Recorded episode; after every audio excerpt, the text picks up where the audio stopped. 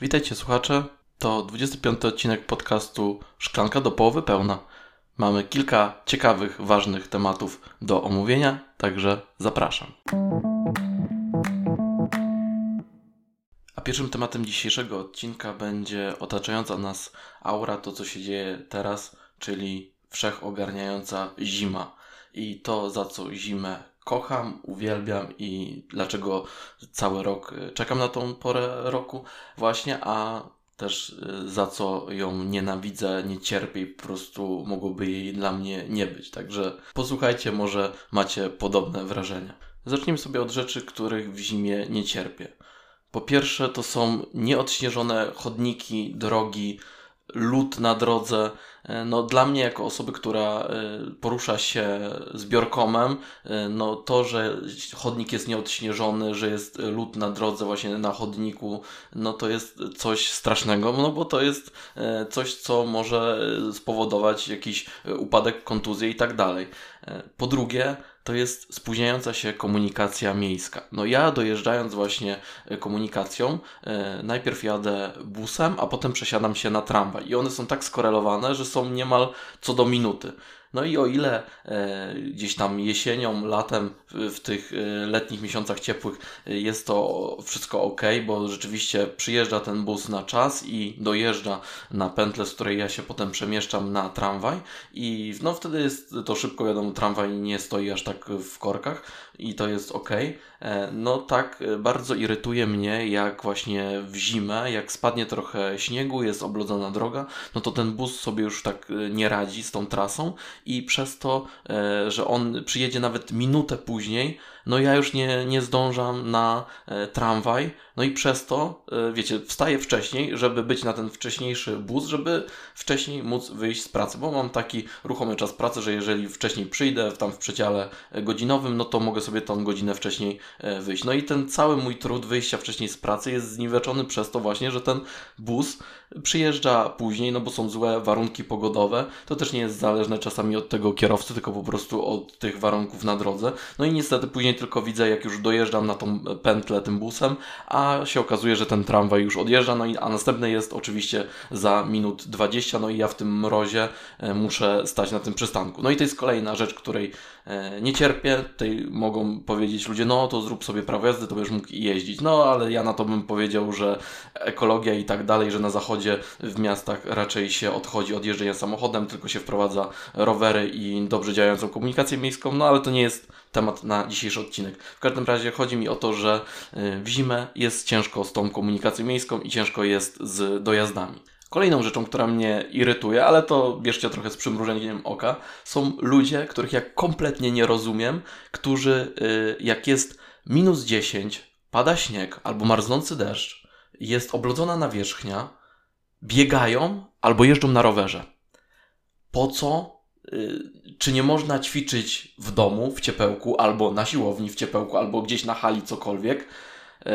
Po co z siebie narażać na jakieś kontuzje? Po co narażać innych uczestników ruchu na jakieś wypadki? Bo często ci ludzie, którzy biegają albo jeżdżą na rowerach, są kompletnie nieoznakowani, nie mają żadnych odblasków i ich nie widać. Po co oni to robią? No wiem, że to jest, e, ktoś może powiedzieć, że to jest taka mm, siła e, charakteru i tak dalej, że mimo e, niesprzyjającej aury ktoś trenuje codziennie, biega i tak dalej.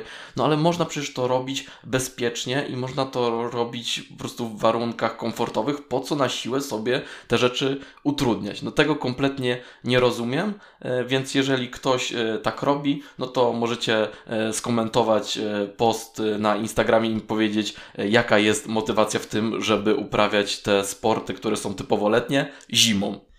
Kolejną rzeczą, zbliżoną do tej poprzedniej, jest wychodzenie na spacery z psem zimą. No bo jak y, wychodzę z Lucy na spacery, no to często właśnie w zimą mamy problem z tym, że jest na y, chodnikach, na jezdni jest dużo y, śniegu, lodu, jakichś tam patyków i tak dalej, które przemarzają, a Lucy ma także uwielbia zbierać wszystko z ziemi, więc też je śnieg. A śnieg to woda, a jak się nazbiera w brzuszku psim woda, no to wiadomo co potem jest, że trzeba częściej wychodzić, bo pies ma potrzebę się wysikać i tak dalej. Poza tym, w związku z tym, że Lucy jest cocker spanielem, ma długie uszy, no i jak ona węszy, no to po prostu te uszy są całe mokre. W związku z tym, że ma też długą sierść, no to te łapki też są mokre, tak samo jak jej całe podbrzusze. No i po takim długim spacerze, czy to w lesie, czy nawet na chodniku, przy, przy jezdni i tak dalej, no to jest kłopot zawsze z tym, żeby ją dobrze wysuszyć i żeby ona też miała komfortowo i także żebyśmy my w domu mieli czysto. Więc nienawidzę zimy za to, że przez tą zimę te warunki y, psiak jest cały mokry. No i ostatnia z takich rzeczy, które, które sobie zapisałem, bo pewnie jest ich cała masa, ale powiem pokrótce, no to jest wszechogarniająca ciemność. No, Pewnie też tak macie, że wychodzicie rano do pracy i jest ciemno i wracacie i też jest ciemno. Ja tak mam, że w związku z tym, że muszę dojechać do pracy i do miasta, no to muszę wstać y, przed godziną 6 rano i to jest, y, no wtedy jest po prostu ciemno,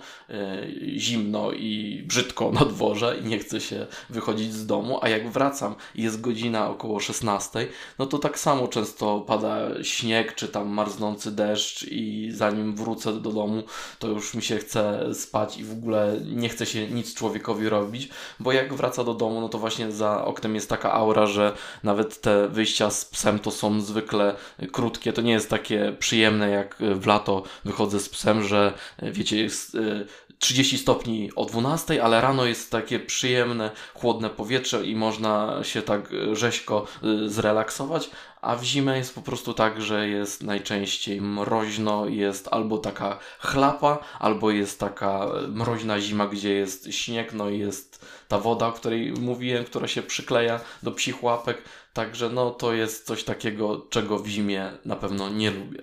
A teraz kilka rzeczy takich, które niewątpliwie w zimie mnie urzekają i sprawiają, że ta pora roku nie jest do końca taka przeze mnie demonizowana.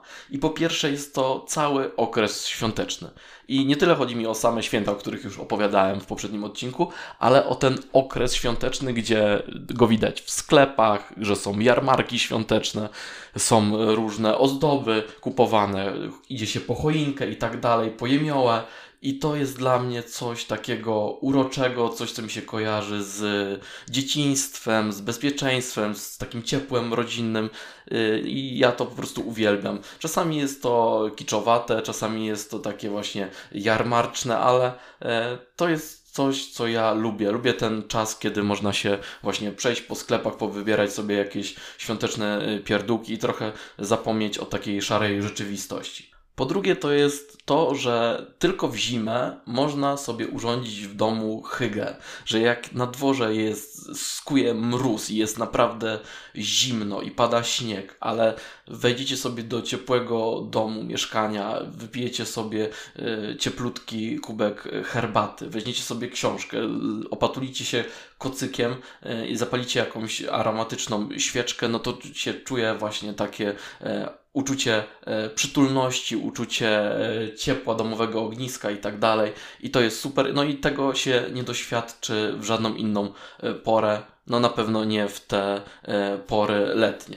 Kolejna rzecz to taka bardzo pragmatyczna z mojego punktu widzenia sprawa ubieranie się do pracy. Ja uwielbiam ubierać się do pracy w sweterki. I to jest taki czas, jak jest zima, zwłaszcza jak jest ten okres świąteczny, że nikt ci nie powie, a to jest wsiórski e, strój, to jest jakieś tam wyszywane i tak dalej. Nie, to jest po prostu e, ciepełko e, i to są stroje, które można e, sobie ubrać i nikt ci nie powie, że coś jest z tym nie tak. Swetrów w większej części nie trzeba prasować, więc to jest też dla mnie jako osoby, która nie cierpi czynności prasowania, to jest super sprawa, więc no, to jest takie coś, co mi się bardzo w zimie podoba. Kolejna sprawa to jest e, sezon na sporty zimowe, w tym e, w szczególności na skoki narciarskie, które my z żoną e, oglądamy, kibicujemy Polakom w Pucharze Świata, także to jest ten czas w roku, kiedy się właśnie czeka na skoki narciarskie i to jest taka domowa rozrywka, także to na pewno mi się kojarzy bardzo pozytywnie z zimą. A na koniec, ale nie mniej ważne niż inne rzeczy, zimowe przekąski. Jak zima, to i okazja, żeby rozgrzać się na przykład przy grzanym winie albo przy kubku gorącego kakao, y, jakichś y, pierniczkach y, i tak dalej, zjeść sobie takie potrawy. To jest też jedyny okres w roku, kiedy jemy te potrawy wigilijne. Oczywiście nikt nie zakazuje, żeby tych potraw jeść w pozostałej części roku, ale jednak ta atmosfera zimowa, świąteczna sprzyja temu, żeby takie potrawy, takie przekąski jeść. No i to jest też na pewno dla mnie takie miłe wspomnienie z dzieciństwa, z wczesnej młodości, gdzie się spotykaliśmy e, w jakimś gronie przyjaciół, żeby sobie właśnie przy gorącym kubku kakao e, pogadać, czy tam przy grzanym winie na studiach e, podyskutować. No i to na pewno przywołuje miłe wspomnienia. Także nie wiem jak wy, ale dla mnie zima kojarzy się też z zimową kuchnią. Drugi temat dzisiejszego odcinka jest dla mnie znacznie cięższy niż ten pierwszy, bowiem pogadamy sobie trochę o tej wojence polsko-polskiej i jaki mamy stan na drugi tydzień roku 2024. Co się dzieje w polityce, dlaczego to wszystko nie ma sensu i tylko dzieli Polaków. Także posłuchajcie kilku moich komentarzy na temat tego, co obecnie dzieje się w polskiej polityce. Po pierwsze, jeśli chodzi o kwestię Kamińskiego i Wąsika, to niezależnie od strony politycznego sporu, to ta sprawa wprowadziła niewątpliwy chaos w systemie prawnym w Polsce i zachwiała no i tak już wątłą pewność obywatela co do polskiego systemu prawa, jak on działa, kto ma rację, czy Sąd Najwyższy, czy Trybunał Konstytucyjny, czy my yy, podlegamy pod ustawodawstwo europejskich trybunałów, czy w ogóle my powinniśmy się rządzić sami w sobie, będąc równocześnie w strukturach Unii Europejskiej. No i teraz tak, dla połowy społeczeństwa to będzie wymierzenie sprawiedliwości, wtrącenie do więzienia osób skazanych prawomocnym wyrokiem sądu, czyli no kwintesencja demokratycznego państwa prawnego, które jest zapisane w Konstytucji i tak powinno teoretycznie być. A dla drugiej strony społeczeństwa to będzie mit założycielski pierwszych więźniów politycznych w naszym kraju po roku 1989, no i paliwo polityczne do kolejnych wyborów. Z kolei jeżeli chodzi o całą aferę dotyczącą przejmowania TVP, no to z jednej strony będzie to traktowane przez y, część ludzi jako odpolitycznienie mediów, które powinny no, ze swojego założenia, czyli tej misji, stanowić miejsce dla wszelkich poglądów, zarówno dla kultury wysokiej, jakichś tam e, konkursów szopenowskich, e, prowadzenia jakichś transmisji z filharmonii i tak dalej, ale także dla disco polo, dla sportu i dla wielu innych rzeczy. I nie powinno być to dla tej części społeczeństwa miejsce jakiegoś sporu politycznego, a z kolei inni uważają, że to miejsce wcześniej było właśnie areną pluralizmu, a teraz już nie będzie, tylko po prostu wajcha polityczna e, została e, przerzucona w drugą stronę, no i teraz będzie to tuba propagandowa obecnej władzy. Jeśli chodzi o decyzję nowego ministra sprawiedliwości, czyli pana profesora Adama Bodnara, e, odwołanie z, z, delegacji niektórych sędziów, odwołanie prokuratora krajowego to taki ostatni akord tych decyzji no to y, nie, za, nie chciałbym tutaj zajmować żadnego stanowiska, bo mimo, że z wykształcenia jestem prawnikiem, to nie mam na tyle szerokiej wiedzy, żeby tutaj się wypowiadać i Wam mówić, jak macie myśleć. E, tak jak już kiedyś w którymś z podcastów mówiłem, e, poczytajcie sobie najlepiej e, jakieś wywiady z autorytetami, skorzystajcie z odpowiedniej literatury, czy też z e, takich e, branżowych portali, nie wiem, jak Infor, czy jak Rzeczpospolita, Dziennik Gazeta Prawna i tak dalej. Ja mogę Wam powiedzieć tyle, że z mojej perspektywy, no to na pewno te decyzje powodują olbrzymi rozłam w środowisku prawniczym. No i brak autorytetów, bo mamy kłótnie między Sądem Najwyższym a Trybunałem Konstytucyjnym. Mamy kłótnie takie E, też między poszczególnymi prezesami izb w Sądzie Najwyższym. Nie wiemy, czy jedna z tych izb jest w ogóle sądem, bo przecież Trybunał Sprawiedliwości Unii Europejskiej wypowiedział się, że ta izba dyscyplinarna w ogóle nie jest sądem. A więc mamy no, straszny chaos, dysonans i tak naprawdę e, wieczne kłótnie między e, różnymi urzędami, także między prezydentem, który przecież jest doktorem prawa, ministrem sprawiedliwości, który jest profesorem prawa, no i tak naprawdę my, prawnicy, nie wiemy, kogo mamy słuchać i jak mamy w tym wszystkim funkcjonować, a co dopiero ma powiedzieć szary obywatel, który już w ogóle gubi się w tym i słucha tej stacji telewizyjnej czy tego radia, które akurat tam ma u siebie w domu i to, co tam mu powiedzą, no to tak bierze to po prostu za dobrą monetę. Ja mogę Wam powiedzieć osobiście, że odkąd ja świadomie interesuję się prawem, czyli od jakichś 10 lat, no to tak źle jak jest teraz nie było jeszcze nigdy w mojej e, karierze, w tym czasie, kiedy ja się e, interesuję systemem prawnym w Polsce. No niestety mamy olbrzymi chaos i no, brak autorytetów, tak jak już powiedziałem, brak pewności co do e, stanu prawnego. Także nie wiem, jak z tego wybrnie obecna władza, mm, no bo z bezprawia nie można tworzyć prawa. Także to wszystko, co się zadziało, jeżeli chodzi o TVP na przykład, no to nie było zgodne z prawem, jeżeli chodzi o taki formalny aspekt. Być może z punktu widzenia e, ludzi, którzy objęli władzę i ich elektoratu, było to zgodne z jakąś moralnością. Natomiast, no, czy można e, najpierw tworzyć e, jakieś nowe podwaliny pod reformę sądownictwa i systemu prawa, ale najpierw e, podeptać to, co było wcześniej. Tego nie wiem, ale no to się przekonamy w niedalekiej przyszłości, jak będzie to wyglądało dalej. Na razie jest e, totalny chaos i anarchia. Poczekajmy na to, jakie będą kolejne decyzje. A ostatni z takich e, gorących tematów, które chciałbym Wam przekazać, który jest bardzo polityczny, no to jest Marsz Wolnych Polaków, który się odbył pod siedzibą e, TVP w Warszawie. I tutaj mamy też e, problem, jak zawsze z tymi marszami, z jakiegoś niewiadomego punktu widzenia nikt nie potrafi dobrze policzyć tych e, manifestantów, czy też manifestujących, kto woli. E, czy ich było 35 tysięcy, jak podaje ratusz, czy ich było od 300 do nawet 500 tysięcy, jak podają zwolennicy prawej strony e, politycznej. Także no, na pewno był to pokaz siły tego, że to jest duża część społeczeństwa, to jest część społeczeństwa, która zaufała poprzedniej władzy, która jest obecnie opozycją. No i to było takie pokazanie solidarności tejże opozycji z w ich mniemaniu prześladowanymi byłymi już posłami Kamińskim i Wąsikiem, a także z e, tym, co się dzieje obecnie w TVP. No bo przecież e, referendarz sądowy nie zezwolił na zmianę rejestracji w KRS-ie, także obecne władze e, TVP w świetle prawa nie są władzami TVP, tylko powinny być e, no, te władze, które są zarejestrowane, czyli te, które były jeszcze za rządów poprzedniej władzy.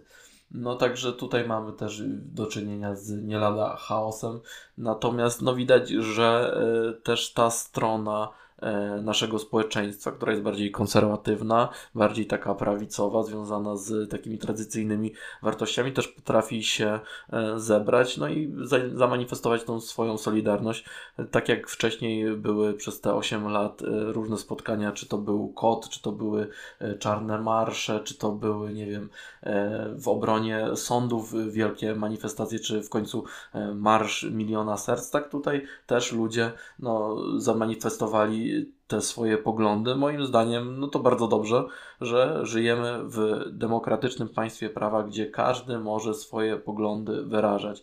I najważniejsze jest to, żebyśmy my w tym wszystkim e, no nie zapomnieli, że wszyscy jesteśmy Polakami i to, czy ktoś jest za PiSem, czy jest za Platformą, to wszyscy żyjemy w tym jednym społeczeństwie, w tym jednym państwie i e, dla mnie e, to, co się teraz dzieje, najbardziej, najbardziej mogą się z tego tytułu cieszyć e, nasi wrogowie, zwłaszcza z, za wschodniej granicy.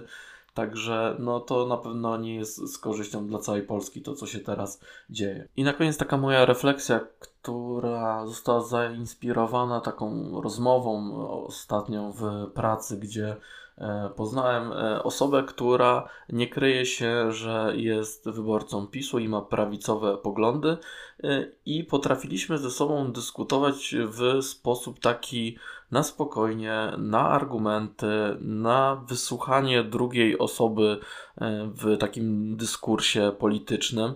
Także to jest właśnie to, że najgorsze w tej wojnie polsko-polskiej jest to, że my przestaliśmy siebie w ogóle słuchać tej drugiej strony. Jak przychodzą politycy do obojętnie której stacji, to przychodzą ze swoim programem politycznym nie po to, żeby drugiej osoby posłuchać, żeby podyskutować, żeby odkryć argumenty innej strony i jakby poszerzyć swój światopogląd, ale tylko i wyłącznie po to, żeby powiedzieć swoje zdanie, swój program partyjny i koniec. A okazuje się, że między zwykłymi szarymi ludźmi w społeczeństwie można naprawdę rozmawiać i możemy się pięknie różnić i możemy dyskutować. Ktoś może mieć poglądy konserwatywne, ktoś może mieć poglądy progresywne i dla każdego powinno być miejsce w Polsce. Przecież Polska przez wieki słynęła jako państwo bez stosów, państwo, gdzie miejsce było dla każdego czy to dla Żydów, czy to dla Litwinów, dla Polaków i tak dalej. Byliśmy krajem, który słynął w całym e, świecie e, z tego, że był tolerancyjny i że był otwarty. I wydaje mi się, że gdybyśmy wrócili do tych korzeni, że powinno być miejsce dla każdego i po prostu tam, gdzie się e, kończy moja wolność, to niech nie wchodzi wolność drugiego człowieka. I gdybyśmy wychodzili z takiego założenia, no to świat byłby piękniejszy, a my bylibyśmy o wiele spokojniejszym narodem. No niestety świat nie jest taki piękny i czarno-biały, tylko jest w odcieniach szarości. No i te straszne konflikty polityczne, e, które są podsycane polityką właśnie, żeby skłócić nas jako społeczeństwo już na poziomie takim, że rodziny są pokłócone, brat z bratem nie rozmawia, ludzie po prostu nie spędzają ze sobą świąt, dlatego że mają inne poglądy polityczne, na kogo innego głosowali, no to to jest straszne, ale wystarczy właśnie e, taka dyskusja na argumenty, nie na emocje i można odkryć, że Wszyscy jesteśmy ludźmi i każdy od drugiego może się wiele nauczyć.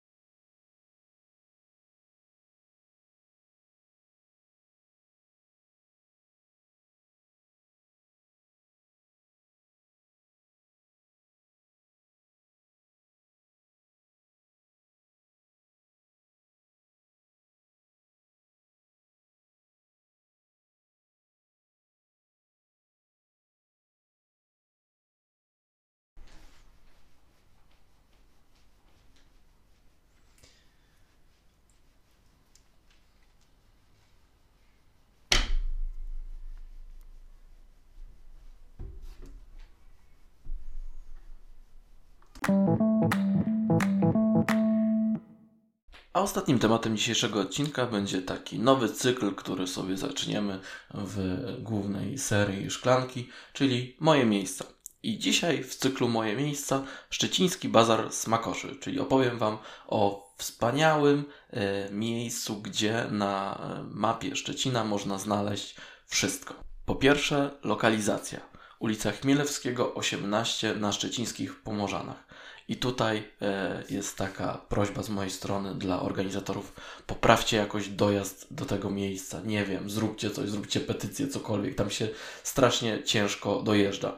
Jest to warte zachodu, ale ten dojazd jest tragiczny i mogę Wam polecić, y, żebyście nie szukali tam miejsca autem, to albo dojedziecie tramwajem, a jeżeli koniecznie chcecie autem, to tam obok blisko jest y, netto i przy netto jest parking, więc można sobie zaparkować tam i kawałek dojść, bo tam jest wszystko rozkopane przy tej, przy tej pętli tramwajowej, także no tyle, jeżeli chodzi o lokalizację. Po drugie, to miejsce jest czynne co weekend, co do zasady chyba w soboty, ale ostatnio było też całe weekendy, w godzinach od 10 do 14. A teraz już dokładnie o co chodzi. E, to jest miejsce, gdzie można znaleźć e, świetne stoiska z kuchnią, z kuchnią zarówno lokalną i to są na przykład miody, lemoniady, ciasta lokalne z Polski, ale także z kuchnią taką e, zagraniczną, a nawet bym powiedział, że egzotyczną, bo są tam dania z Turcji, z Litwy, z Włoch, różne tam baklawa, oliwy z Włoch, jakieś tam sery i tak dalej, e, więc jest to miejsce, gdzie można się zetknąć właśnie z kulturą innych krajów, z kuchnią innych krajów. Ostatnio nawet jak byłem, to był e, taki specjalny event, e, to był festiwal e, kawy, a przy tym festiwalu kawy na wejściu do tego miejsca stał food truck z kuchnią japońską, więc można było się też zapoznać z kuchnią z kraju kwitnącej wiśni.